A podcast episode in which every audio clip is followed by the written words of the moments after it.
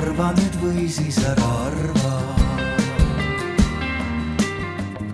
tere hommikust, head inimesed, kes te olete tulnud siia Paidesse ja kes te jälgite meid Vikerraadio või Rahvusringhäälingu portaali vahet, vahendusel. mina olen Rahvusringhäälingu ajakirjanik Johannes Tralla ja mul on hea meel tõdeda, et kui viimasel ajal kipuvad, äh, kipub reaalsus prognoose varjutama, siis täna on täpselt nii, nagu äh, mõne minuti eest rääkinud sünoptik eile lubas Paides sajab vihma, me oleme varjunud siia vahva kaitsva kilekatuse alla ja kõik need, äh, ma usun kolmkümmend, nelikümmend inimest, kes siin Paides istuvad, äh, on samuti turvaliselt katusega kaitstud, aga väärivad äh, oma vastupidavuse eest siiski iseendale väikest aplausi, nii et aitäh, et te tulite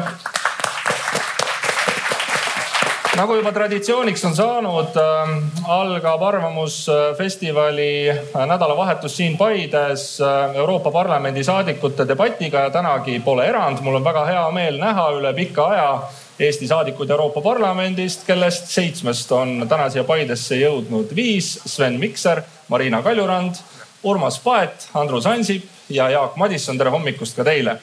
tere, Äh, meie äh, arutelu pealkirjana on välja kuulutatud, kus maandub kriisist väljub Euroopa ja ausalt öeldes neid kriise on viimasel ajal nii mitmeid peale tulemas, et selle arutelu fookuse seadmine tunniks ajaks, nagu meil siin on täna võimalik, oli kaunis problemaatiline, aga mõne märksõnana äh, me sooviks rääkida kindlasti vaktsineerimispoliitikast, mis oleks see, mis päästaks maailma sellest lõputust koroonalainetusest kas tervisepass hoiab vaba liikumise piirid ja ühiskonnad lahti? Ja mida teha Valgevenega, aga äh, mulle tundub, et me peame vähemalt põgusalt rääkima ka Afganistanist, kuna meil on siin kolm endist välisministrit ja pole päris kindel, kas Kabul on meie äh, vestluse äh, lõpuks juba Talibani käes või mitte, aga hakkame seega kiiresti pihta ah,. ütlen, et ka Yana Toom ja Riho Terras loomulikult äh, said kutse tänasele üritusele, aga kahjuks ei olnud neil siis võimalik täna siin osaleda. Äh, head sõbrad, veel enne, äh, kui me alustame, palun teie, kes te istute publiku seas või kuulate meid kaugelt, võtke hetkeks välja oma nutiseadmed ja liikuge veebilehele slido.com, see on siis slido.com ja sisestage sinna märksõna Euroopa. Te näete seal ühte küsimust, millele ma paluksin teil äh, soovi korral vastata. ja see küsimus kõlab umbes nii, et kuivõrd te nõustute väitega, et Euroopa Liidul peaks olema rohkem otsustusõigust, et tegeleda koroonaviiruse pandeemia sarnaste kriisidega tulevikus jätke sinna oma vastuse variant, selle arutelu lõpus vaatame siis, mis te arvasite ja ühtlasi äh, loomulikult püüan ma võtta ka publikult mõned küsimused, austades kõiki hügieenireegleid, palun ma ka seekord need äh, küsimused sisestada sellesama nutiseadme äh, vahendusel sinna Slido keskkonda ja ma püüan võtta nii palju küsimusi publikust, kui vähegi sellesse nappi tundi ära mahub, aga hakkame nüüd pihta Marina Kaljurand, kümnendal juulil teatas Euroopa Komisjoni president, et eesmärk on täidetud. liikmesriikidele on tarnitud piisavalt vaktsiini, et täielikult vaktsineerida vähemalt seitsekümmend protsenti elanikkonnast. kas sellest piisab, et Euroopa Liidu vaktsineerimispoliitika on olnud edukas, saame me nii öelda?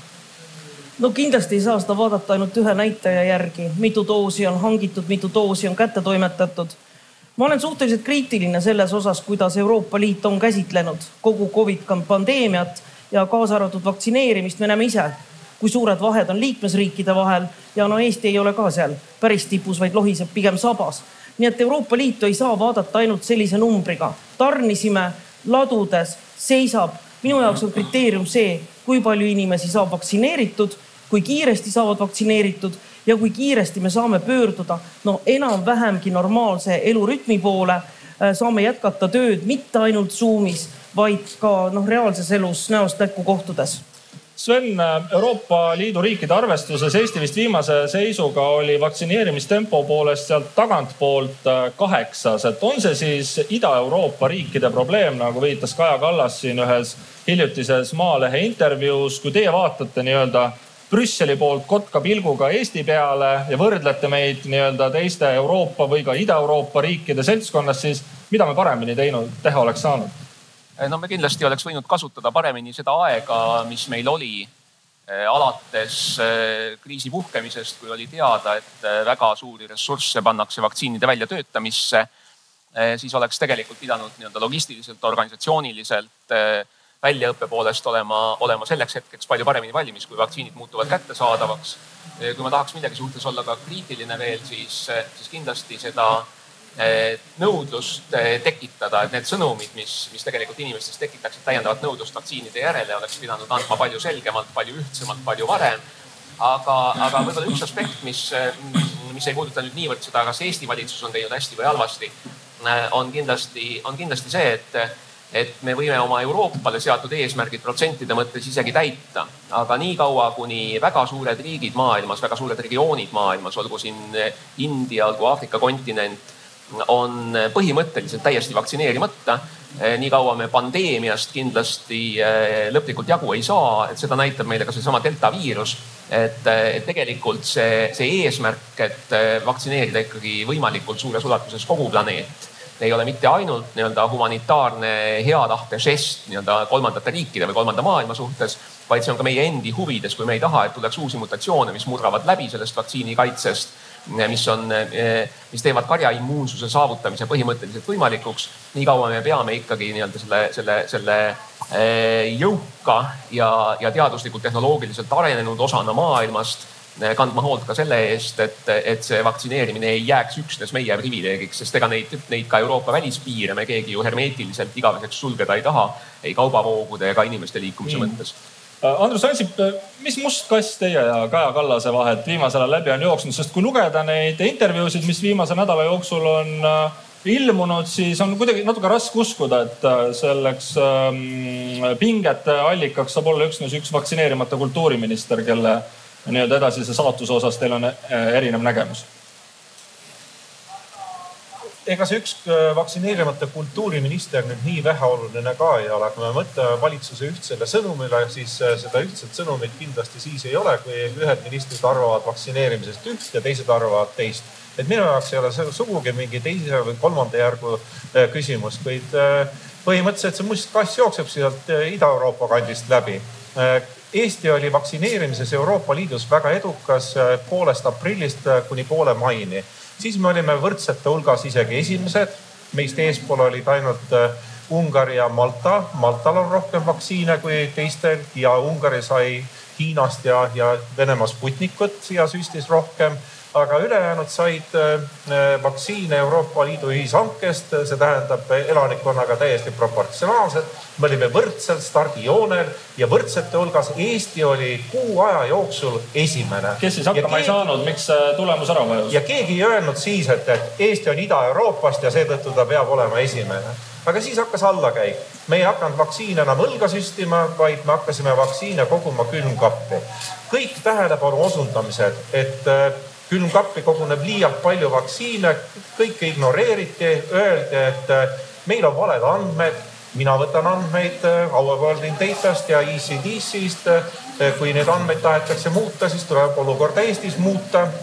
natukese aja pärast öeldi, et vahed on väikesed, kohe võtame järgi ja siis öeldi, et Eesti asub Ida-Euroopas ja Ida-Euroopa ongi komme olla seal viimaste hulgas. vot sellega ma küll nõus ei ole. kui Eesti oleks seadnud lati sinna madalale Ida-Euroopa tasemele ka teistes valdkondades, siis poleks Eesti e-riigi edulugu saanud üle maailma tuntud looks äh, siis ei oleks me kunagi äh, jõudnud nende hulka, kes äh, kaitsekulutusteks investeerivad kaks protsenti Eh, SKT-st ühena vähestest eh, NATO liikmesriikidest. Eesti poleks Euroopa Liidu kõige madalama võlakoormusega, valitsussektori võlakoormusega riik eesmärgid peavad olema suured. kas see oli nüüd kriitika Kaja Kallase suunas, et tal on liiga madal ambitsioon? See on kriitika kogu valitsuse suunas ja eh, ma kritiseerin konkreetselt vaktsineerimise käpardlikku korraldust. me endiselt ei ole aru saanud sellest, et, et selle Euroopa Liidu esialgse eesmärgi poole püüdlemine, et, et see ei ole piisav ambitsioon. jah, kunagi arvati et, et seitsekümmend protsenti täiskasvanud elanikkonnast võiks olla piisav. me oleme praegu alles viiekümne ühe protsendi juures, aga praeguseks on selge et, et seitsekümmend üks protsenti täiskasvanutest ei ole piisav.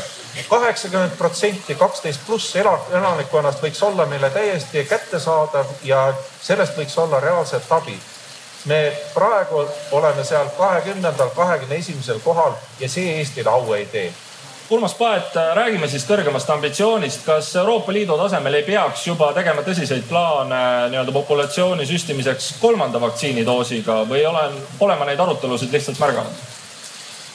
lühike vastus on, et jah, muidugi tuleks mõelda mitu kuud ette sündmustest, sealhulgas see kolmanda vaktsiini süstimine, mida mõned riigid maailmas juba eakamatele ja nõrgema vastupanuvõimega inimestele on ju alustanud nii et lühike vastus on jah.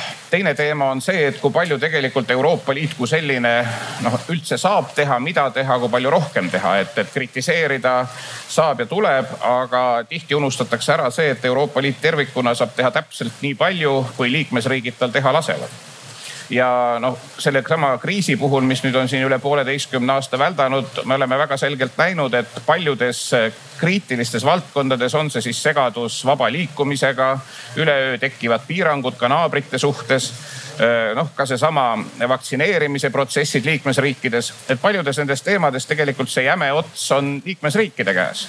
et jah, Euroopa Komisjon nii-öelda oma poliitilise autoriteediga saaks olla ja oleks pidanud olema konkreetsem ja tugevam, aga õiguslikke otsuseid Euroopa Liit tänases tasemes tervikuna ilma selleta, et liikmesriigid konsensuslikult tal seda laseksid teha, noh tegelikult ka ei ole võimalik, nii et palju sellest kriitikast muidugi tuleb suunata ka liikmesriikide koostöövõime peale. no räägime siis liikmesriikidest, aga ärme räägi sellest riigist, mida me kõige paremini siin kõik tunneme, vaid lähme põikama alustuseks Leetu. Jaak Madisson, Leedu otsustas kolmeteistkümne, et kolmeteistkümnendast septembrist tohivad vaktsineerimata inimesed sisseoste teha ainult väikestes poodides ja apteekides no mis hetkest saab öelda, et sellised piirangud on üleliigsed? sellele peavad andma muidugi kõige rohkem hinnangu õiguseksperdid ja ma arvan, et äh, ka Eestis oleks ju väga mõistlik, kui õiguskantsleri büroo vähemalt äh, koostaks vastava analüüsi, et mis piirini võiks minna teatud piirangute rakendamisega ja kus võib see punane piir ette tulla, kus võib öelda, et põhiõiguste riivamine on liiga tugev ja ei ole proportsionaalne seatud eesmärgiga. Äh, leedukate tehtud otsus, mille kohaselt äh, vaktsineerimata inimene võib minna väikesesse nii-öelda siis kuskile külapoodi väiksesse apteeki, on äh, kahekordselt problemaatiline. esiteks, äh, mina ei ole näinud ka Leedu puhul, et seal oleks hinnatud ka põhiseaduse kontekstis, et kas asjaolu, et inimene on vaktsineerimata, on niivõrd suur risk teiste inimeste eludele, sealhulgas nende inimeste eludele, kes on vaktsineeritud. Ja kas see saavutav eesmärk, milleks on justkui nende inimeste siis isoleerimine avalikest kohtadest, suurtest kaubanduskeskustest on selle eesmärgiga nii-öelda kohane? äh, kui me arvestame sinna juurde koroonaviiruse suremusstatistika, selle levimise tüübid, ohustatud äh, riskigrupid.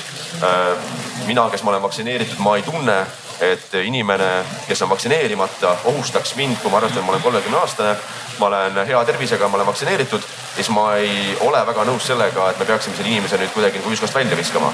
teine probleem Leedu puhul on muidugi see, kus äh, puudub loogika, et kuidas me siis kaitseme teisi inimesi, kui me pigem väiksesse poodi ja väiksesse apteeki surume kokku inimesed, kes on kõige suurem riskirühm põhimõtteliselt, kes on vaktsineerimata ja kes tänase teadmise baasil võivad suurema tõenäosusega kanda viirust edasi ja nakatuda.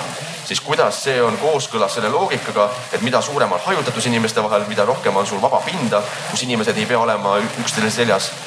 ja kui me surume väiksesse pinda kokku, siis minu meelest see on palju suurem nagu pinnas selleks, et need inimesed võiksid reaalselt levitada viirust edasi ja nakatuda.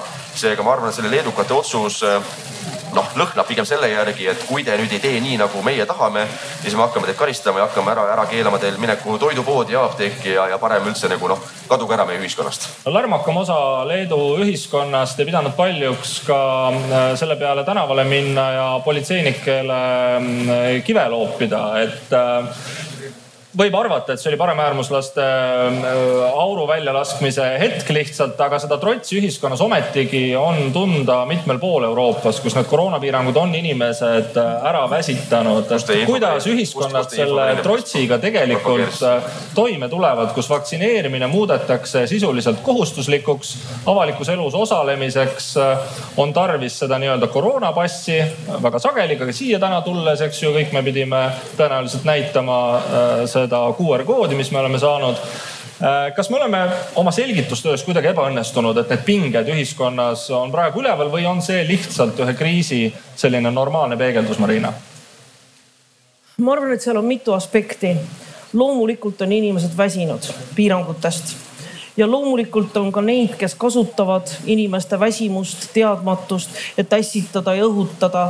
nii et seal on väga erinevaid aspekte mis puudutab koroonapassi, siis noh, minu jaoks on see, on väga oluline, et ei oleks diskrimineerimist jah, tõepoolest, me saime selle QR-koodiga dokumendi need, kes on vaktsineeritud, aga see võimalus osaleda üritustel on ka nendel, kes teevad testi ja nendel, kes on haiguse läbi põdenud. et selles mõttes võib-olla tõesti, ma arvan, ma olen nõus nendega, kes ütlevad, et tuleb rohkem seletada, tuleb rohkem rääkida. ei ole mõtet raisata aega vaktsiinivastaste peale aga tuleb rääkida nendega, kes kõhklevad, kes küsivad, nende küsimustele tuleb vastata, rohkem positiivseid eeskujusid. Ja noh, kuigi praegu oli suvi, mina usun väga ka meie perearstidesse. Perearstidel on kindlasti rohkem aega tegeleda oma inimestega kui nendel suurtel vaktsineerimiskombinaatidel, kus inimesel lihtsalt ei ole aega seletada, rääkida, vastata küsimustele, sest inimesed, kui nad küsivad küsimusi, enamus ei ole pahatahtlikud Nad on tõepoolest mures, nad tahavad vastuseid ja nad peavad need vastused saama no inimesed on vaktsineerimise suhtes ähm, vastumeelsed, need, kes veel vaktsineerinud ennast ei ole, kindlasti väga paljudel erinevatel põhjustel, alates tervisekaalutlustest, lõpetades äh, uskumustega. aga kuivõrd, Urmas Paet, on märgata sellise vaktsiini skepsise külvamisel siin ebasõbralike riikide abi ja, ja kas Euroopa Liit peaks kuidagi ühiselt, meil on nii-öelda see propagandaga võitlemise teenistus, kas tegelikult äh, Euroopa Liidu välisteenistus peaks ka sellele rohkem tähelepanu pöörama? jälle lühike vastus on jah, et on ju tegelikult saanud juba mõnda aega pigem reegliks kui erandiks see, et ükskõik mis teemaline kriis on, noh siis seda üritatakse ära kasutada ka ütleme siis äh, rahvusvahelistes äh, konfliktides, hübriidkonfliktides, milles iganes.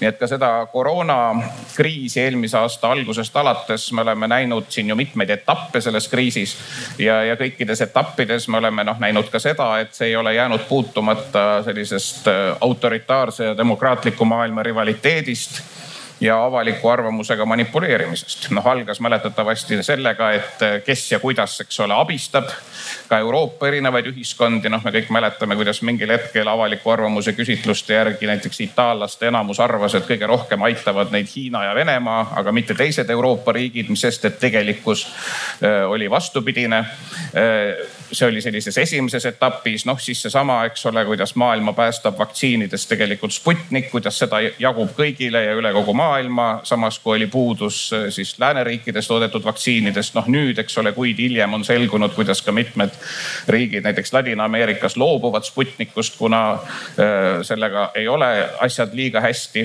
noh ja ka täna, eks ole, et, et sellist äh, skepsist ja, ja rahutusi ka selle vaktsineerimise teemadel Euroopa riikides, noh, me oleme ka viimastel päevadel näinud, kuidas Vene siin välisministeerium juba põhimõtteliselt kommenteeris sedasama Leedu meeleavaldusi, noh öeldes, et näete, teil, eks ole, seal demokraatlikus äh, riigis isegi tervishoiu teemadel on asjad, eks ole, viltu. nii et jah, lühike vastus on see, et loomulikult kõiki selliseid kriisiolukordi äh, ja, ja keerulisi olukordi ka demokraatlikes riikides autoritaarne maailm üritab ära kasutada, et see on see olukord, kus me tänas maailmas oleme, kus seda tasakaalupunkti üritatakse kogu aeg nihutada ja noh, see, et äh, ka Euroopa riikides äh, ei maksa olla ammu enam naiivne ei Venemaa, ei Hiina ega mingite kolmandate autoritaarsete riikide tegutsemismotiivide peale. ma arvan, et see on päris selge, et seesama Valgevene, mis on ju ka meile geograafilise läheduse tõttu niivõrd aktuaalne, et noh, kui seal, eks ole, kasutatakse praegu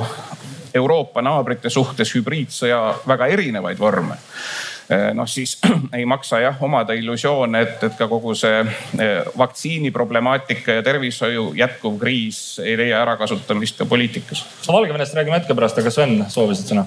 ja ma arvan, et kahtlemata vaenulikud tegutsejad kasutavad ära kõiki haavatavusi, mis meil on kasutavad ära kõiki tehnoloogilisi võimalusi, mis on tekkinud kõikvõimalikke hübriidseid äh, vahendeid meie mõjutamiseks. aga tegelikult see ikkagi eksplitseerib ju sellist olemasolevat haavatavust meie oma ühiskondades ja mulle teeb eh, muret mitte see, et, et üksikud inimesed on skeptilised vaktsiinide suhtes ja kardavad, et need vaktsiinid on väga uued ja neil võib olla mingisuguseid eh, seni, seni veel välja tulemata kõrvalmõjusid või nad on ise võib-olla eh, eriti allergilised või, või, või, või mingil muul moel ohustatud mingitest kõrvalmõjudest.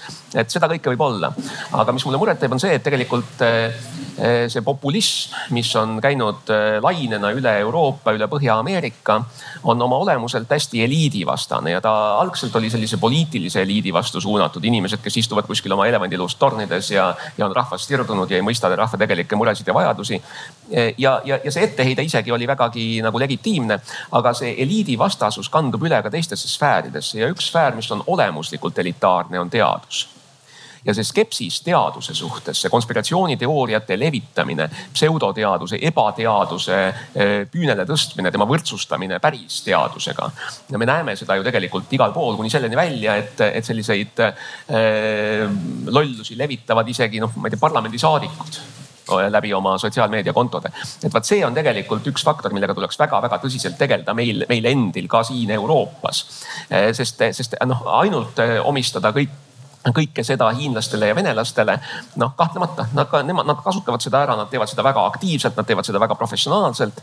aga, aga see, see haavatavus on meil endal olemas ja tegelikult on ju mõnevõrra irooniline, et, et ajal, kus, kus teadus ja tehnoloogia teevad, arenevad läbi ajaloo kõige kiiremas tempos ja meil on, meil on tohutud saavutused, mRNA tehnoloogiatel põhinevad vaktsiinid, mis tulevad välja loetud kuudega ja, ja osutuvad hämmastavalt efektiivseks isegi. ja samal ajal on meil rekordiliselt suur hulk inimesi, kes ammutavad oma arusaama maailmast mitte teaduspõhiselt, vaid, vaid, vaid mingite müütide, mingite hirmulugude, konspiratsiooniteooriate maailmast. Andrus jah, see kindlasti kõik on õige, aga mulle tundub, et me liiga kergekäeliselt hüppame siis sellelt vaktsineerimise madalalt tasemelt Eestis üle siis kuhugi vaktsineerimisvastaste juurde ja jõuame nendeni, kes neid justkui manipuleerivad ja nii edasi. ja me jätame vahele selle peamise, see on vaktsineerimise käpardliku korralduse Eestis. Või näiteks Belgias on üle seitsmekümne ühe protsendi inimestest juba praeguseks vaktsineeritud, Eestis ainult viiskümmend üks protsenti, siis me ütleme, et ah, me oleme Ida-Euroopast ja see kõik on sellepärast Belgiast loobuti juba mõnda aega tagasi või hakati loobuma vaktsineerimiskeskustest, sest nähti, et inimesi läheb sinna järjest vähem, ehkki Belgias vaktsineerimiskeskused on iga kümne kilomeetri tagant. inimesel ei tohi jääda keskus kaugemale kui kümne kilomeetri ulatusse, aga nähti, et, et see enam ei kõneta inimesi vaktsineerimisbussid pandi käima, vaktsineerimistelgid inimeste elukoha lähedale, kaubanduskeskuste lähedale, inimestele helistati koju, saadeti kirju koju e, email'e. kogu aeg muudkui aga inimesi informeeriti. Eestis äh, sõidad Võrust Tartusse, kuuled, kuidas Antsla abivallavanema anub, et, et tehke meile ajutine vaktsineerimiskeskus Antslasse ja äh, härra Seer vastab, pange inimesed bussi, sel ajal kolmkümmend kaks kraadi väljas äh, palavust ja sõidetage Tartusse vaktsineerima. kohapealsed inimesed, võrokesed ütlevad, et, et, ohtlik, ei tohiks nagu. aga, aga meil mitte mingisugust reaktsiooni, alles nüüd on hakatud neid vaktsineerimisbusse käima panema. ei saa nõus olla sellega, et inimesed ei taha inimesed tahavad, vaadake igale poole, kuhu vaktsineerimisbuss läheb, moodustub järjekord, inimesed ootavad tund aega järjekorras, kui oli palav, palavaga ka ootasid tund aega järjekorras, ei olnud nõus vahepeal koju minema. Praegu vihmaga. Inimesed ootavad järjekorras, ükspuha kuhu vaktsineerimisbuss läheb, inimesed ootavad järjekorras. no pakkuge inimestele seda võimalikku, võimalust paindlikult ja alles siis hakake otsima seda välisvaenlast, kes justkui manipuleerib meie inimestega ja teeb neist vaktsineerimisvastased. Jaak. Aitäh, ma esiteks klaariks ära sellise tüüpväljendi või klišee, mida tahetakse vahel rõhutada kuidagi, mida ka saate või intervjueerija tegi, kui rääkis Leedust siis kujutame nüüd ette, sul võetakse õigus ära minna poodi süüa ostma, sul puudub õigus minna lapsele riideid ostma Äh, sellepärast, et sa oled väidetavalt äh, ohtlik ühiskonnale ja võib-olla oledki ohtlik ühiskonnale. ma ei ole teadlane, ma ei hakka väitma siin lõplikku tõde. ja siis tuleb keegi, kes ütleb, et need, kes hakkasid kive loopima, mingid paremäärmuslased. ega nad päris sellised. et kuna ma olen ka, mind on ka seevatud. sellised vasakpoolsed vanamemmed ei olnud, nad olid ikkagi üsna hirmuäratavad. mina ütleksin, et äh, kõik äärmuslased on päris koledad, sealhulgas ka vasakäärmuslased. ja, ja minu teada see vaktsiini teema on seganud selle vee nii sogaseks kus sinna on kokku kogunenud äh, hübriidrünnakud välisriikidest, äh, pseudoteadus, samas ka kaheldav informatsioon avalikust meediast, ametliku teaduse vastu käivad informatsioonid, mis muutuvad iga kuuga. Ja sinna siis selle taha on kogunenud inimesed erinevatest poliitilistest spektritest, erinevatest vanusegruppidest. nii et lõpuks ma ei tea, seal hakata kuidagi nüüd panema lõplikku diagnoosi on nagu hästi lihtsakoeline ja vale. Teine, nagu Andrus ka mainis, on see, et kui me hüppame nagu ühest teemast üle kohe teisele teemale, siis see on nagu selline noh kuidagi nagu libe tee, et see on nagu mitu erinevat asja, mis tuleks nagu läbi rääkida. esiteks mina tahaks nagu kiita näiteks Paavo Nõgest. Paavo Nõgene oli inimene, kes tuli välja konkreetse plaaniga, kuidas kasutada reisilaevu vaktsineerimiskeskustena inimeste jaoks, kes tahavad tõesti vaktsineerida. me räägime vabatahtlikust vaktsineerimist, mille pooldaja mina olen täielikult. ja siis on valitsuse poolt vaikus Seeri poolt vaikus, Terviseameti poolt vaikus, ei ole vaja, me saame kuidagi hakkama, ei saadud hakkama. ja siis lõpuks, kui tekkis see meediaskandaal, et valitsusel on täiesti ükskõik põhimõtteliselt Terviseametil, et erasektor tuleb sulle appi, ta pakub sulle aluseid, ta maksab ise selle kinni, andke lihtsalt vaktsiini ja me teeme selle asja ära siis, kui on meediaskandaal, siis hakatakse liigutama. oi, aga, aga äkki, äkki peaks tõesti, et muidu on liiga halb renomee tuleb valitsuse peale. et minu arust nagu Paavo Nõgene on selles mõttes aasta inimene, kes on palju rohkem ära teinud kui Terviseameti mitu eelmist juhti kokku ma mõistan, et see Eesti-sisene vaktsineerimise teema on äärmiselt äh, kirgi küttev ja me võiksimegi sellest tegelikult järgmised kakskümmend üheksa minutit rääkida, aga see, siis jääks meil nagu see Euroopa dimensioon natukene võib-olla äh, närbuma siin, et ma, ma zoom iks natukene välja äh,. meil on olemas Euroopa koroonapass äh,, mis peaks äh, olema garantii vabaks liikumiseks. no mis te ennustate, kui kaua Äh, Euroopa Liidus vaba liikumine toimib ka olukorras, kus ütleme, haiglad hakkavad täituma, Sven, et äh, kas Euroopa koroonapass tegelikult taba, tagab meile selle põhivabaduse ka kriisi ajal? no ta kindlasti on äh, samm edasi, et kui me, kui me mõtleme tagasi kriisi varastesse kuudesse, siis liikumine oli, oli väga märkimisväärselt pärsitud, et siis tuli testimine Äh, see aitas meid natukene edasi. Äh, nüüd on meil olemas ka täielikult vaktsineeritud inimesed, kes äh, noh, tänase parima teadmise juures ise nakatuvad circa kolm korda harvemini kui, kui vaktsineerimata inimesed, kes kelle, kelle hulgas haigeid ja surmaga lõppevaid juhtumeid on umbes kümme korda vähem kui vaktsineerimata inimeste hulgas. et see ei ole täielik kaitse, aga see kindlasti muudab seda, seda liikumist ohutumaks nii, nii, nii, nii neile inimestele, kes ise liiguvad üle piiride, kui ka neile, kes kellega nad kokku puutuvad, olgu siis kodus või, või võõrsil. seda, seda, seda, müüti on tegelikult olnud võib-olla liiga palju, et haigus on justkui kõigi, igaühe jaoks, ükskõik kus Euroopa nurgas me elame või maailma nurgas, et haigus on miski, mis tuli meie juurde välismaalt et ja, ja, ja, ja seetõttu piiride sulgemine on kõige efektiivsem meede, et teeme siin sees, peame pidu, käime poes ja, ja, ja trallime, ükskõik milline on nakatumise tase antud ajahetkel. aga, aga, aga sulgeme välispiirid. ja Urmas, aga kui mu lapsed väga tahaksid minna Rovaniemi sel äh, talvel minna vaatama seda päris jõuluvana, no kui tõenäoliselt nad pettuma peavad, et äh, laevad enam üle Soome ei lähe ja mingit jõuluvana vaatamist äh, enam ei toimu noh, see sõltub sellest, kas küsimus on Soome spetsiifiline või nii-öelda laiem Euroopa pilt, et nii nagu me ka enne rääkisime, et ka selle pooleteist aasta jooksul riigid ka Euroopas sees on ju käitunud väga erinevalt. Soomele kehtivad vist samad reeglid ikkagi. kehtivad, aga me ju praktikas teame, et Soome tegelikult kuni viimase hetkeni oli üks nii-öelda karmimaid sulgejaid, kus ju viimase hetkeni siin juulikuuni kõik need, kellel Soome siis valitsuse meelest ei olnud Soome asja, sinna ei pääsenud. mis sest, et jah, meil on siin Schengeni vaba liikumine ja juba aasta algusest ka Euroopa Komisjoni poolt ja teiste riikide poolt. Soome sai kriitikat, et eh, ta nii-öelda on need kruvid liiga kinni keeranud. nii et seetõttu öelda, milline olukord on aastavahetuse paiku näiteks on, on seetõttu veel palju raskem, et, et noh, kui eeldada seda, et Euroopa käitub ühtemoodi, siis ma vastaksin sellele küsimusele, et noh, pigem saab jah, kui on vaktsineerimispass ja mingisugust uut hirmsat tüve, mis üldse ei allu, eks ole, vaktsineerimisele ei ole tekkinud, et siis saab. samas teades, et ikkagi riigid Euroopas siiamaani käituvad äh, nii-öelda igaüks ise ja ei arvesta eriti naabreid ja üldpilti, siis noh, näiteks Soome puhul kindlasti ma ei saa seda garantiid anda, et noh, näiteks see riik ei ole otsustanud taas võtta mingeid erilisi karme meetmeid, et noh, ka seesama näide, et viimase hetkeni, eks ole, oli näiteks Soome sissepääs noh, sisuliselt võimatu teistel. noh, samas kui jälle vaadata seda nakatumist, siis see on seesama näide, et noh, ei tule see viirus ainult välismaalt, et nakatumisnäited Soomes ka ju läksid väga kiiresti kohe üles. pikaaegne peaminister Andrus Ansip, olete rääkinud Soome kolleegidega, koputanud nende südametunnistusele, et äh, tahaks mitte ainult jõuluvana vaadata, aga võib-olla ka muul ajal äh, Soomes käia, võib-olla mõni, mõni tahab tööl käia äkki isegi. Minu meelest ei oleks mõtet siin nii palju rääkida soomlastega, kuivõrd äh, korraldada asjad ära meie enda riigi sees, sest et riigisisesest Poliitika... teemast läheks nüüd vaataks natukene kaugemale ja kõrgemale. see on paraku see just Eesti riigisisese korraldamatusega seotud teema. ma saan aru, et te tahate saada järgmiseks sotsiaalministriks, aga vaataks ikkagi seda Euroopa dimensiooni, et kas needsamad, äh, kas vaba liikumine Euroopa Liidus ja, säilib ja mida saab teha selleks? sõltub sellest, missugune on nakatumise tase. me võime näpuga ja rasvase näpuga näidata soomlaste peale, aga kui me ise oleme maailmameistrid äh, nakatumises, siis on täiesti loomulik et, et soomlased meid ei taha. no Soome on rikkunud ikkagi reegleid. poliitikud üldiselt teevad seda, mida rahvas nendelt ootab.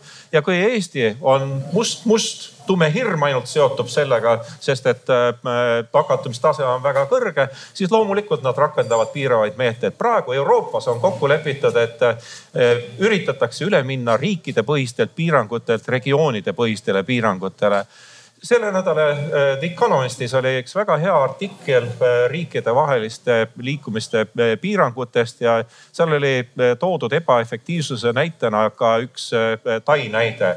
kakskümmend üks tuhat nakatumisjuhtu, millest ainult üheksateist olid imporditud. Need praktiliselt see piiriülese liikumise kontroll, kahenädalased karantiinid, igasuguste tõendite nõudmised ja kõik muu ei aidanud viirus levis riigi sees totrused ilmselt vast kaovad ära, kui rahvast neid totrusi ei nõua. Ühendkuningriigis, vabandust veel, viis miljonit inimest on saanud Indias tehtud äh, AstraZeneca süsti. Neid inimesi Ühendkuningriigis koheldakse täpselt samamoodi nagu teisi, kes on saanud Ühendkuningriigis toodetud AstraZenecat. aga India inimesed, kes tahavad tulla Ühendkuningriiki ja on saanud AstraZeneca süsti, nemad on hoopis justkui teistmoodi vaktsineeritud ja nemad Ühendkuningriiki ilma karantiinikohustusteta ei pääse, justkui polekski vaktsineeritud.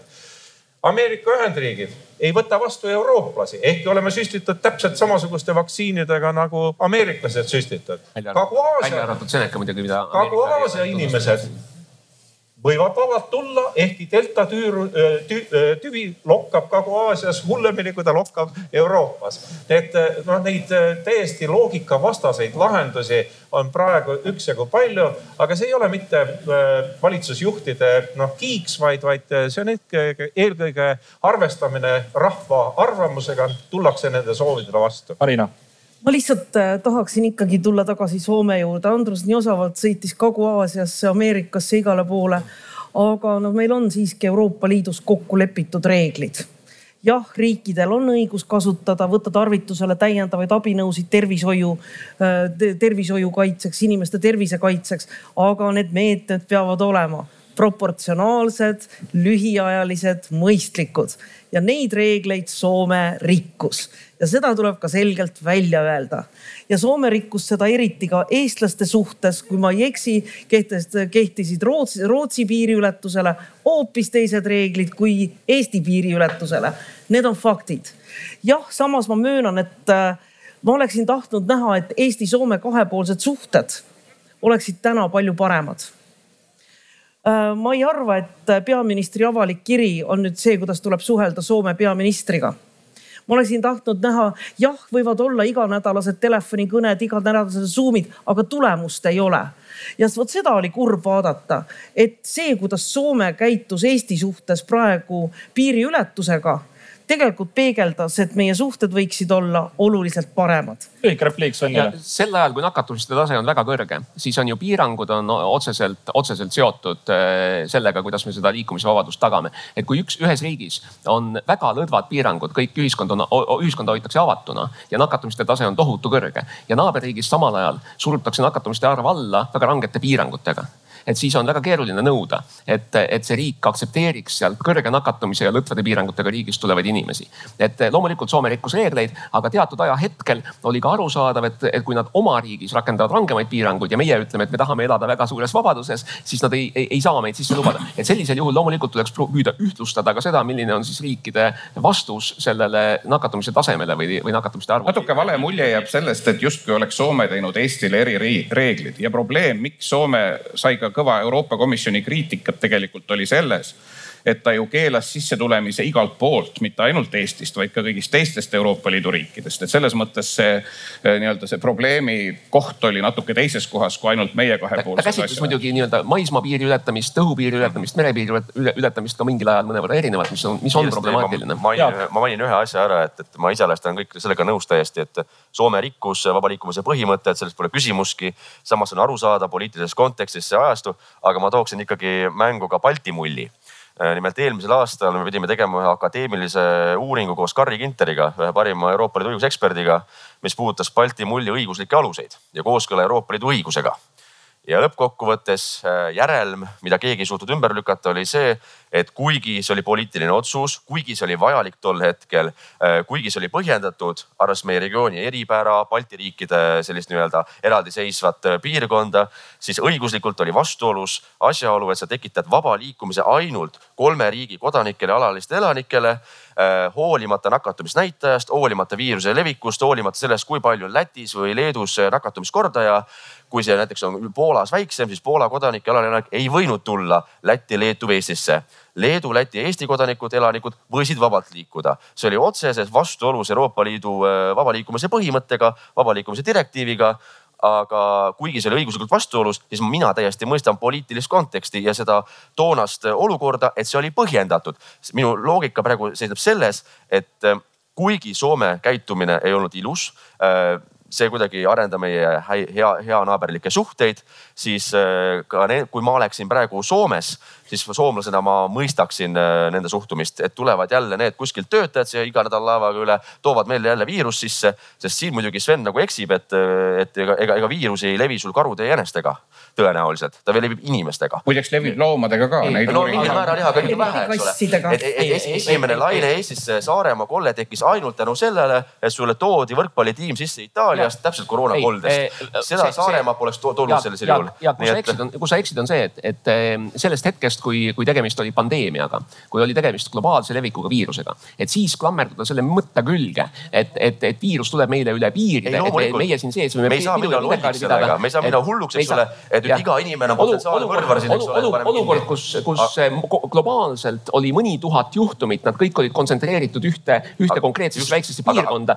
siis oli nendel, nendel piirangutel oluliselt teine iseloom ja mõte kui selles olukorras, kus tegemist on pandeemiaga, kus praktiliselt üle kogu gloobuse on, on, on, on miljoneid ja miljoneid, isegi sadu miljoneid juhtumeid. ütleme välispiiride kontrollimine, mida sa kontrollid piiri peal, kust inimene tuleb, kas ta on ohutu, kas sa rakendad mingeid erinõudeid inimesele, on selles kontekstis oluline, et kui me siseriiklikult hakkame tegema täiesti jaburaid reegleid, et ma ei tea, Raekoja platsil, et ühel pool tara võivad olla vaktsineeritud inimesed ja seal viirus ei levi ja teisel pool tara on suur, suur mass inimesi, kes on vaktsineerimata ja need on ohtlikud inimesed. et, et kui sa sees teed mingeid täiesti nagu noh, jaburaid, seletamatuid teadusega mitte mingis kooskõlas olevaid reegleid ja piiri peal sul puudub igasugune kontroll, et tule kust kohast tahad, tule kuidas tahad, kedagi see ei huvita ja meil puudub igasugune ülevaade, siis selles ongi see nagu lühis, et pole mõtet ju trammis kanda maski, kui sa piiri ei kontrolli head sõbrad, ma saan aru, et me võiksime koroona teemadel rääkida veel pikalt, aga me peame rääkima ka Valgevenest. Andrus Ansip, kuidas läheb euroopalike väärtuste ja muuhulgas inimõigustega kokku see, et varjupaiga taotlejaid relva ähvardusel Leedu piirilt tagasi Valgevenesse lükatakse? no mina ei pea neid inimesi, kes ületavad ebaseaduslikult Valgevene-Leedu piiri pagulasteks, varjupaiga taotlejateks. ma pean seda inimeste voolu äh, üle piiri äh, pigem osaks hübriidsõjaks, sõjas ja minu seisukoht on küll üheselt selge. Nendele inimestele me ei tohiks anda mitte mingisugust lootuse kiirki, et võib-olla õnnestub neil jääda Euroopa Liitu alaliselt elama. Need inimesed tuleks võimalikult kiiresti ja tagasi toimetada sinna, kust nad tulid, Bagdadisse ja me peaksime osutama äh, Leedule igakülgset abi, et nad saaksid oma piire kaitsta. kui inimesed soovivad äh, pöörduda Leetu, selleks on olemas piiriületuspunktid. ületagu piiriületuspunktidest see piir ja, ja taotlegu siis varjupaika või mida iganes, mida nad soovivad taotleda. Marina, kas Eesti peaks olema valmis rakendama sama poliitikat? piirivalvuritele erivarustus pihku, Läti piirile valmis, kui afgaani või iraaklase välimusega inimest näed, kolks pähe ja teisele poole tagasi. Seda ei saa võtta nii üheselt. pagulased on ja jäävad. Need, kes põgenevad oma elu eest, need, kes põgenevad selleks, et ellu jääda. Ja neid tulebki vaadata pagulastena. Hoopis midagi muud on illegaalne migratsioon, mis tuleb üle piiri ja loomulikult tuleb illegaalse migratsiooniga võidelda, siin ei ole mingit küsimustki. kuidas ja... see tasakaalupunkt ikkagi tekib? ma ise kujutan ette, et meil on need ähm, demoniseeritud. Iraagi mehed, kes tulevad, aga nende kannul tulevad ka rasedad ja väikeste lastega naised. et kas see Leedu piirivalvur peaks nagu valima, kellele ta kumminuiaga pähe lööb ja tagasi saadab või naised võtma ja nende asüülitaotlus ikkagi menetlema. minu meelest see eriolukord on kaunis mustvalge seal piiri peal, et kõik tagasi ja nii ongi otsi tikutulega neid asedaid Leedu piiril. no tegelikult see ei ole üldse praegu ju see küsimus, et mis tüüpi inimesed täpselt seda piiri ületavad. kui vaadata sisuliselt, siis sisuliselt eh, nende inimeste elu, kes ütlevad näiteks, et nende elu on ohus Iraagis või ka Afganistanis, mis ilmselgelt nii ongi, siis sellisel kujul nende inimeste elu ei ole ohus Valgevenes Need inimesed on ostnud pileti, lennupileti, vabatahtlikult taotlenud Valgevene viisa, selle saanud ja lennanud Valgevenesse Valgevenes ei ole sõjaolukorda, nii nagu see on täna noh, sisuliselt jätkuvalt Afganistanis või mõnes muus kriisipiirkonnas. nii et kui vaadata sisuliselt, siis inimese elukaitse seisukohalt ei ole neil mingisugust vajadust või põhjust liikuda Valgevenest Leetu ehk äh, siin ei ole isegi mõtet arutada seda päris lähteriiki, kust nad tulevad ja kui keeruline on olukord seal. Nad on jõudnud Valgevenesse, nende elu enam ei ole ohus, nad on saanud sellelt riigilt viisa, eks ole, nad võivad taotleda sedasama varjupaika sealsamas Valgevenes aga nad ei tee seda ja nad ei tee seda sellepärast, et eh, toimubki seesama hübriidkonflikt ehk nad on osa täna Valgevene diktaatori hübriidsõjast Euroopa Liidu vastu. mulle miskipärast lihtsalt meenub kahe tuhande viieteistkümnenda aasta rändekriis, mille järel Viktor Orban püstitas võimsad tarad äh, ka muuhulgas Ungari ja äh, Horvaatia vahele ja siis olid ikkagi ütleme inimõiguslased tagajalgadel. nüüd, kas olukord on fundamentaalselt muutunud, meil kehtib mingisugune uus olukord, kus on täiesti okei okay Äh, inimesi üle piiri tagasi tõrjuda. ilma nende asüülitaotlusi menetlemata, ilma üldse süvenemata, kes nad sellised on? no esiteks, eh, kui me otsime mingit paralleeli sellega, mis toimub praegu Valgevene-Leedu piiril, siis võib-olla selle eh, toonase suure rändekriisi varjus me mäletame ju ka seda, et kuidas, kuidas Venemaalt saadeti küll jalgrattaga, küll jalgsi üle, üle piiri sinna Põhjamaadesse inimesi, kes olid aastaid elanud Venemaal, kes tegelikult ei olnud mingisugused viimase hetke eh, siis oma elu nimel põgenejad kodumaalt et tegelikult eh, me, me suuname selle fookuse valesse kohta, et mida me, me meenutame, kui, kui algasid suured eh, rahva meeleavaldused Lukašenka vastu, meil oli Eestiski küllalt palju poliitikuid, kes ütlesid, et nii, nüüd on eh, Lukašenka minevik, nüüd me tunnustame ühte või teist opositsioonipoliitikut, umbes nii nagu me tegime Venezuelas siin Guaido ja Maduroga mõni aasta varem. hakkasime juubeldama, rääkisime, kuidas diktatuur on langenud, samal ajal kui diktatuur tegelikult üha verisemalt, üha verisemalt surus maha oma, oma, oma oponente ja nüüd on asunud vasturünnakule. ja, ja, ja, ja, ja tema eesmärgiks on tegelikult ju maksta kätte Leedule selle eest, et Leedu oli üks aktiivsemaid äh, opositsiooni toetajaid. ja, ja, ja, ja eesmärk on lõhestada Leedu ühiskonda, tekitada seal suuri sisepoliitilisi konflikte ja kähmakaid. Äh, suunata see Leedu inimeste viha nende inimeste vastu, kes siis nüüd, keda kasutatakse selle hübriidrelvana. aga Leedu käitub adekvaatselt selles olukorras? Äh, no siin kindlasti võib ju de detailiis, aga ma ütlen, me, me, me viime fookuse valesse kohta, kui me, meie hakkame nüüd kritiseerima Leedut. no fookus on inimene seal piiril kes tahab üle piiri tulla. aga inimene on turvaliselt Valgevenes, tema elule enam ohtu ei ole. see, see on täiesti õige ja, ja, ja, ja me ei saa Leedu-Valgevene piiri kindlasti mitte võrrelda Eesti-Läti piiriga, nagu siin eh, moderaator üritas teha. et Eesti ja Läti on mõlemad Euroopa Liidu riigid ja kindlasti on Lätil täiesti kohustus neid inimesi, kes on saabunud Lätti ja seal legitiimselt varjupaika taotlenud ka, ka Lätis vastu võtta ja menetleda. ja meil Eestis ei ole kohustus neid, kui nad lihtsalt niimoodi spontaanselt liiguvad üle Euroopa Liidu sisepiiri siin, siin Eestis Eestis kuidagi, kuidagi hooldada. aga et me peame kindlasti olema valmis selleks, et mingi taoline stsenaarium võib korduda. loomulikult meil ei ole, meil ei ole maismaapiiri Valgevenega, selles mõttes oleme me Leedust ja Lätist erinevas olukorras. aga kui me mõtleme, mida tegi, mida tegi Venemaa Soome ja Norra piiril, siis potentsiaal millekski taoliseks kindlasti eksisteerib ja me peame noh, praegu kasutama seda, seda hingetõmbeaega, mis meil on selleks, et, et olla valmis, mõelda läbi erinevad stsenaariumid, kuidas humaanselt, aga siiski resoluutselt sellisele hübriidrünnakule eh, reageerida. sest eh, teema, milleni me ilmselt ei jõua, Afganistani olukord eh, kindlasti toob kaasa noh, väga-väga märkimisväärse rändesurve üsna nähtavas tulevikus Euroopale. Jaak Madisson, mida teha Valgevene režiimiga, mida teha Lukašenkaga, kes nähtavasti nendest Euroopa Liidu sanktsioonidest noh suurt ei hooli, mängib ikkagi oma mängu ja teeb enam-vähem seda, mis talle pähe tuleb eks ta hoolib ikka, see ongi tänase hübriid rünnaku üks põhjuseid, et ta väga hoolib nendest sanktsioonidest. Äh, kui ma tohin seoses selle migratsioonikriisiga, siis äh, hea intervjueerija küsis teiste kolleegide käest, et mis see nüüd siis olukord teistsugune on võrreldes viimase kuue aasta taguse ajaga, kui tuli migratsioon eelkõige üle Egeuse merele Türgist Kreekasse, kuigi Türgi on ohutu riik äh, pagulastele. kui tuli üle Vahemere Itaaliasse, siis selle nimi on kahepalgelisus, silmakirjalikkus. ehk siis kaks tuhat viisteist, kuusteist, kui need täpselt samamoodi enamjaolt majandusmigrandid ei olnud need äh, naised väikeste lastega või rasedad naised, täiesti täis elujõus mehed, kes lähevad paremat elu otsima. põgenikelaagrites oli pilt kaunis kirju, Jaak, ma ei tea, kas ma, sina ma, seal ma, käisid, aga mina käisin. ma olen, ma olen käinud päris põgenikelaagris äh, Jordaanias, kus olid ainult süürlased, kes kõik väitsid, nad ei taha Euroopasse, tahavad koju. ma olen käinud Lesbose saare põgenikelaagrites Ateenas, kus oli viieteistkümnest riigist äh, migrante, ka Bangladeshist, pooltest Aafrika riikidest. nii et see oli väga kirju pilt, aga ma räägin et tol hetkel kogu retoorika ja ka Eesti meedias retoorika oli see, et räägiti üleüldiselt pagulastest. kuigi pagulane on väga kitsas definitsioon inimesele, kes põgeneb oma elu pärast, kartes surma saada. ülejäänud on migrandid, majandusmigrandid siis pole mingit probleemi öelda kõigil, et ikkagi me peame kõiki aitama, peame vastu võtma, hakkame siin ümber jagama. nüüd, kui olukord tuleb sulle kodule lähemale enda ukse taha, siis me räägime juba sellest, et äh, tegemist on illegaalse immigratsiooniga. Äh, see on probleem, me peame resoluutselt tagasi lükkama. kaks tuhat viisteist, kuusteist, kui me rääkisime täpselt sama juttu, et me ei saa hoida lahti piiri avatuna, me lükkame kasvõi need paadid tagasi teisele poole Vahemerd, et lõigata läbi inimkaubiste rahaliinid, eks ole. siis see oli paremäärmuslik radikaalne jutt, mida rääkida ei tohi. täna mul on hea meel, et seda võib rääkida, ka Andrus Ansip võib rääkida ja keegi ei sõima teda paremäärmuslaseks. seega see on see probleem, et kuidas see retoorika on ka nagu kahepalgeliselt muutunud kiiresti. aga Valgevene režiimiga ma arvan, et Valgevenel on üks põhiline probleem on muidugi see, millest äh, meie ei adu ja ka mina, ma arvan, ei adu täielikult. et milline on olnud viimase kahekümne, kolmekümne aasta jooksul äh, Leedu ja Valgevene tegelik suhe omavaheliselt. sest ei ole saladus see, et Leedu on loomulikult äh, teinud väga suurt tööd selle nimel, et Valgevenes võim muutuks.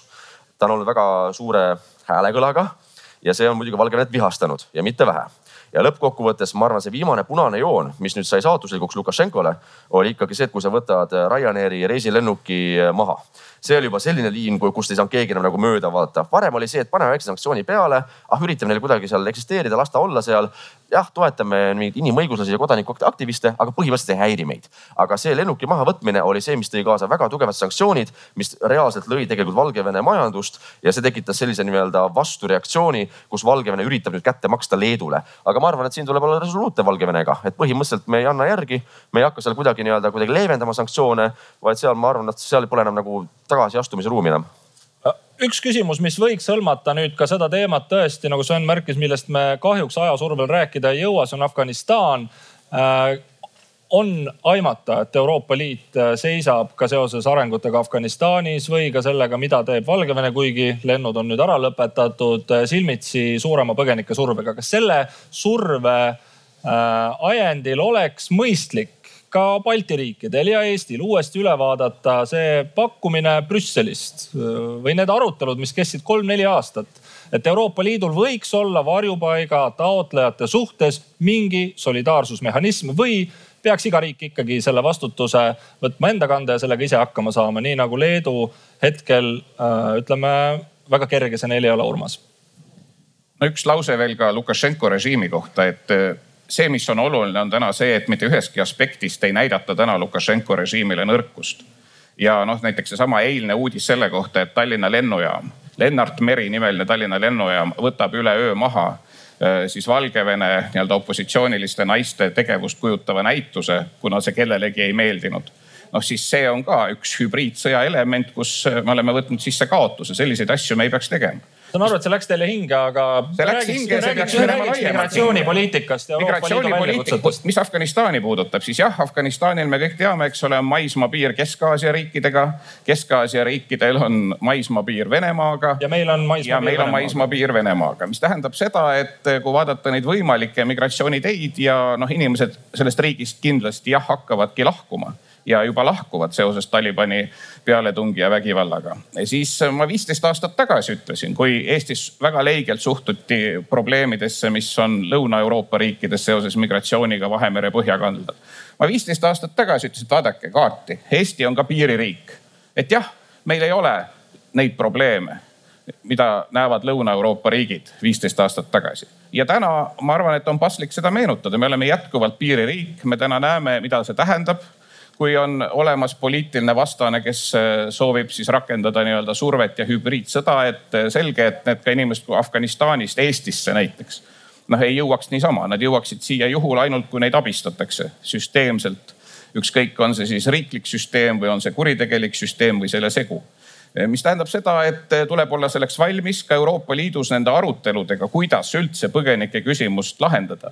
nii väljapoole kui siis oma seesmise solidaarsusega. igal juhul tuleb minna edasi, sest ega see surve kuskile ei vaibu, seda tuleb pigem maailmas juurde. ja ma kasutaksingi siin võimalust ja küsiksin rohkem, ära vähemalt eh, ühe küsimusega publikult. kas Euroopa Liidul saab olema ühtne poliitika, ühtne seisukoht Afganistani põgenike osas ja kui, siis milline? ja igal saadikul on võimalus umbes kolmekümne sekundi jooksul sellele küsimusele küsimusele vastata. alustame Svennist ja ma arvan, et see sõltub väga suurel määral sellest, mis Afganistanist saab. et eh, selle ühise positsiooni tekitamine ei ole olnud Euroopa Liidus kunagi kerge, ei olnud see kerge viimase migratsioonikriisi ajal.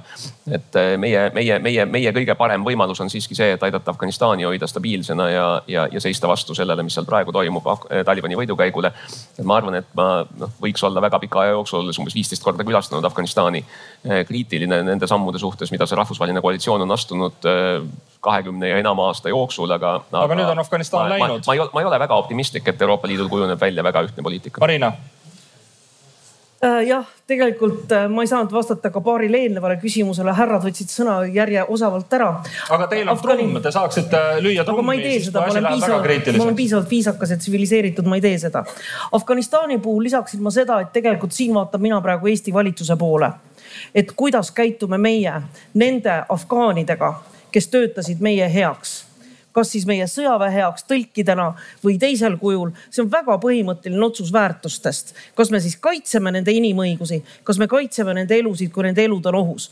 migratsioon, Euroopa Liit praegu arutab migra uut migratsioonipaketti. jah, meil peab olema mingisugune solidaarsuse mehhanism ja kolmas, meil on vaja normaalset piirilepingut Venemaaga ja piirilepingu järgi välja ehitatud normaalset piiri, et olla valmis surveks. Jaagu repliik kiire repliik, esiteks Euroopa Liidul on praegu väga hea ideaalne võimalus äh, õppida oma vigadest, mis tehti kaks tuhat kaksteist, kolmteist enne Süüria sõda, enne suurt konflikti, kus põhimõtteliselt ei pööratud mitte mingisugust tähelepanu Lähis-Ida nendele rahulikele piirkondadele, kus reaalselt panustada pagulaslaagritesse, et inimesed saavad tõesti põgeneda, kui neil on põhjus ja me ei peaks tegelema sellega oma piiridel.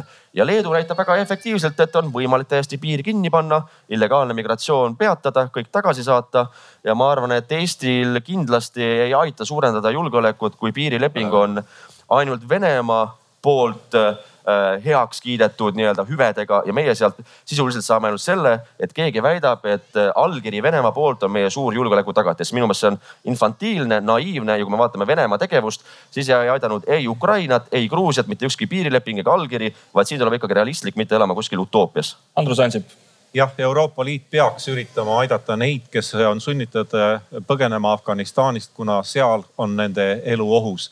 kuid äh, ma olen vastu äh, kohustuslikele kvootidele. ma arvan, et Euroopa Liit peaks hindama ka põgenike endi tahet ka selles osas, kuhu nad tahavad elama asuda. ja paraku me oleme näinud, et ega nad Eestisse ei taha elama asuda. kuid veel kord tagasi Valgevene juurde need ei ole pagulased, kes praegu piiri ületavad. kui me teame seda, et, et kui te lähete Eestis kala püüdma ja püüate ühe alamõõdulise särje, siis te saate karistada ebaseaduslik piiri ületamine, see on kuritegu ja sellele peab järgnema karid, karistus ja me ei saa neid kohelda kuidagi noh süütukestena, kes praegu osalevad selles hübriidoperatsioonis ja, ja üritavad destabiliseerida Leedut, me peame osutama nendele abi. Urmas Paet lõpetab kahekümne sekundiga no Afganistani see suur tagasilöök praegu, ma arvan, on üks viimaste aegade üldse rahvusvahelise elu kõige piinlikumaid ja kurvemaid lugusid, kui vaadata seda inimlikku tragöödiat, mis seal tuleb. sellest tulenevalt jah, Euroopa Liit peab maksimaalselt ühtselt kõigi nende tagajärgedega tegelema. ja noh, üks, mis nende inimeste aitamisel muidugi ongi mõistlik, on praegu juba tuleks aktiivselt tegeleda Afganistani piiririikidega, nendega, kus Euroopa Liidul on mõju, näiteks Kesk-Aasias ja üritada kokku leppida, et need inimesed oma esmase varjupaiga saavad siis nii-öelda naaberriikides, mitte kuskil teisel pool maakera. aitäh, Urmas Paet. kahjuks meie arutelu lõpeb viieteist sekundi pärast, sest peale tulevad Rahvusringhäälingu uudised. viiskümmend kuus protsenti vastanutest leiab, et Euroopa Liidul pigem võiks olla rohkem otsustusõigust koroonakriisi sarnastes olukordades. kolmkümmend kaks protsenti leiab, et pigem mitte. aitäh, et olite meiega Paides uudised